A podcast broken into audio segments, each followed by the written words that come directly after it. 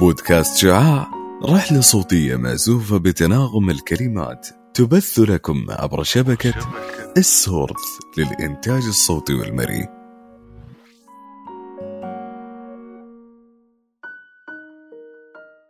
أهلا وسهلا بأصدقائنا المستمعين لبودكاست شعاع. معكم جولي جلال وراح أرافقكم في تقديم هذه الحلقة. في ظل بحث الكثيرين منا عن التخصصات التي لها أهمية حالية وأهمية في المستقبل وحين استخدامنا لعدة برامج نجد سهولة في استخدامها وهذا هو السبب الأساسي للجوءك لهذا التخصص. فهذا الدور الذي يقوم به تخصص هندسة البرمجيات الذي هو خلف كواليس البرامج والتصاميم التي نراها اليوم فهذه رحلة اليوم رحلة مستقبلية ومهمة جدا. لذلك أربطوا الأحزمة وكونوا حريصين على الاستماع الجيد. وراء كل عمل جميل فريق خلف الكواليس يحمل العمل على ظهره. وهذا هو دور تخصص هندسة البرمجيات الذي من خلاله يعبر البرنامج بعدة مراحل قبل الظهور الأخير. فما هو تخصص هندسة البرمجيات؟ المشاريع التقنية تمر عموما بمجموعة من الخطوات المشتركة لتنفيذ المشروع التقني من لحظة البدء وحتى الانتهاء من النسخة الأخيرة أو إطلاق المنتج. وهذه الخطوات تعرف بدورة حياة المشروع دورة حياة المشروع تتمثل في مجموعة من المراحل التي يمر بها أي مشروع تقني وهي كالتالي التخطيط للمشروع تحليل المتطلبات خطط الأكواد وتصاميم المنتج بناء المنتج وكتابة الأكواد التحقق والاختبار إطلاق المنتج ودعمه بالصيانة والتطوير. وبالتالي فإن هذا التخصص هندسة البرمجيات ينطلق من دورة حياة المشروع وما تمثله من خطوات بحيث يتم تنفيذ المشروع تبعا لهذه الخطوات ووفقا للموارد المتاحة. وضمن الوقت المخصص للمشروع ومن هنا نشأت الأركان الأساسية لهندسة البرمجيات والتي تتحول حولها المواد والتي تتمحور حولها المواد الدراسية والعمل الوظيفي وأركان التخصص وهي كالتالي: أولاً جمع المتطلبات والمقصود فيها جمع المتطلبات والمميزات التي سيحتويها المشروع. فيها ستتعلم كل الطرق المختلفة لجمع المتطلبات واستخراجها من العميل وقد يبدو موضوع جمع المميزات بديهيا وبسيطا للوهلة الأولى إلا أنه في الحقيقة ليس كما يبدو بل أنه يلعب دورا كبيرا في تحديد نجاح المشروع وفشله. والسبب أن العميل لا يعلم كل المميزات التي سيحتاجها في حقيقة الأمر بخلاف عدم قدرته على شرح الميزة بكافة تفاصيلها وتذكر الحالات والسيناريوهات المختلفة لها. وبالتالي لابد من استخراج هذه المتطلبات ومن ثم تدوينها وتحويلها لصيغ ورسومات توضح المطلوب بدون استثناء أو زيادة أو نقصان. ثانيا تخطيط وهيكلة المشروع. في هذه المرحلة يتم أخذ المتطلبات وتحويلها للبرنامج لكن على الورق. بمعنى آخر يتم رسم مخططات بأشكال مختلفة توضح كيفية توزيع الأكواد في الملفات المختلفة في المشروع وطريقة تواصل ملفات وأجزاء الأكواد مع بعضها البعض حتى تضمن بناء الكود بطريقة سلسة وسليمة تسهل التعديل عليه وتطويره في المستقبل. ولذلك في هذه المرحلة ستتعلم بناء المخططات والرسومات المختلفة التي يمكن ترجمتها لاحقا إلى كود مكتوب. هذه المرحلة قد يعتبرها البعض قلب تخصص هندسة البرمجيات.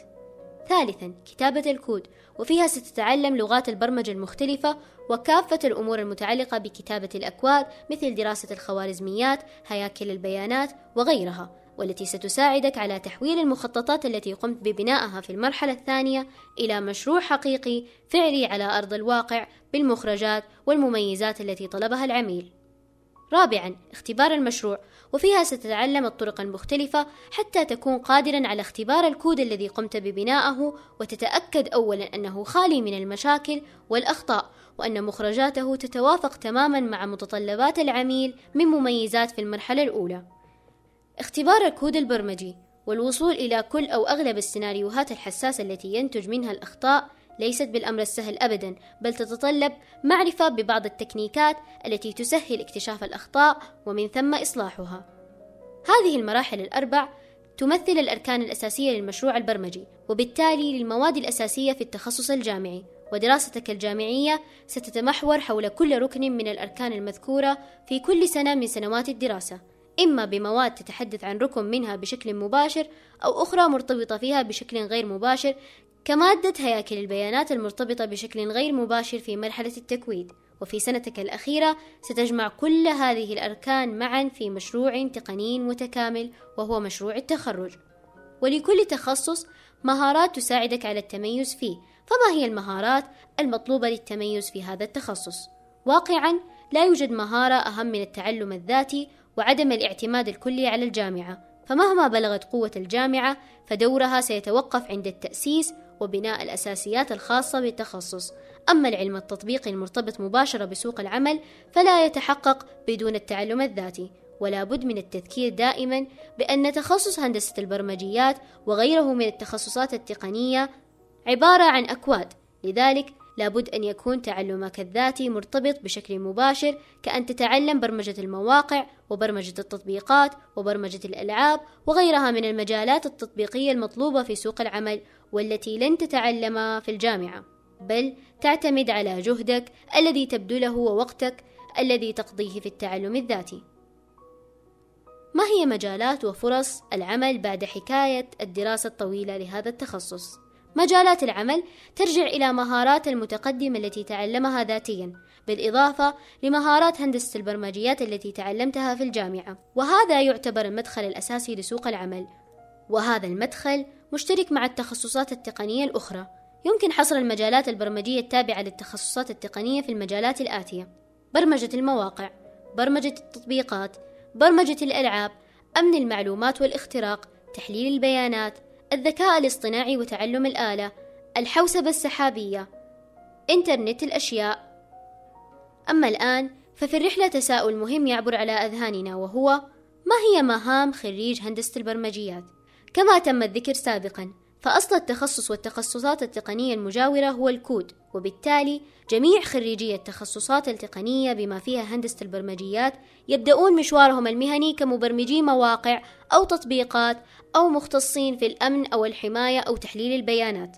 وهذا يرجع إلى المهارات التي تعلمها المتقدم ذاتيا وبالتالي فتخصص هندسة البرمجيات وغيره من التخصصات التقنية لا تحدد مجالك بحد ذاتها ومن النادر أن تكون بوابة دخولك لسوق العمل كمهندس برمجيات تطبق أركان هندسة البرمجيات بل أن هذا يتم بعد مرور الوقت والارتقاء في سوق العمل. بالإضافة لذلك فإن مهام هندسة البرمجيات غير مقتصرة على الوظائف المسماة بمهندس برمجيات بل حتى عملك كمبرمج يتطلب منك تنفيذ المهارات التي تعلمتها في هندسة البرمجيات لبناء المنتج بأعلى جودة. سنعبر مرور سريع على الخطة الدراسية للتخصص.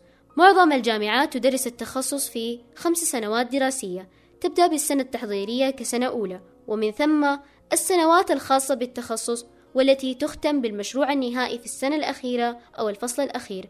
ولمن أراد الالتحاق بالحافلة التي ستذهب لهندسة البرمجيات. نذكر لكم بعض الجامعات التي يسكن في جوفها. جامعة الملك فهد للبترول والمعادن. جامعة الملك سعود. جامعة الإمام محمد بن سعود. جامعة الأمير سلطان. ختاما مستمعين الأعزاء نأمل أنكم قد استفدتم من هذه الرحلة التي شددنا الرحال إليها. وشعاع ينتظر منكم أن تكونوا مهندسين رائعين وترفع أسماءكم بجانب النجوم الذين خلدوا أسماءهم في سماء الإبداع. نشكر لكم استماعكم. شعاع رحلة صوتية.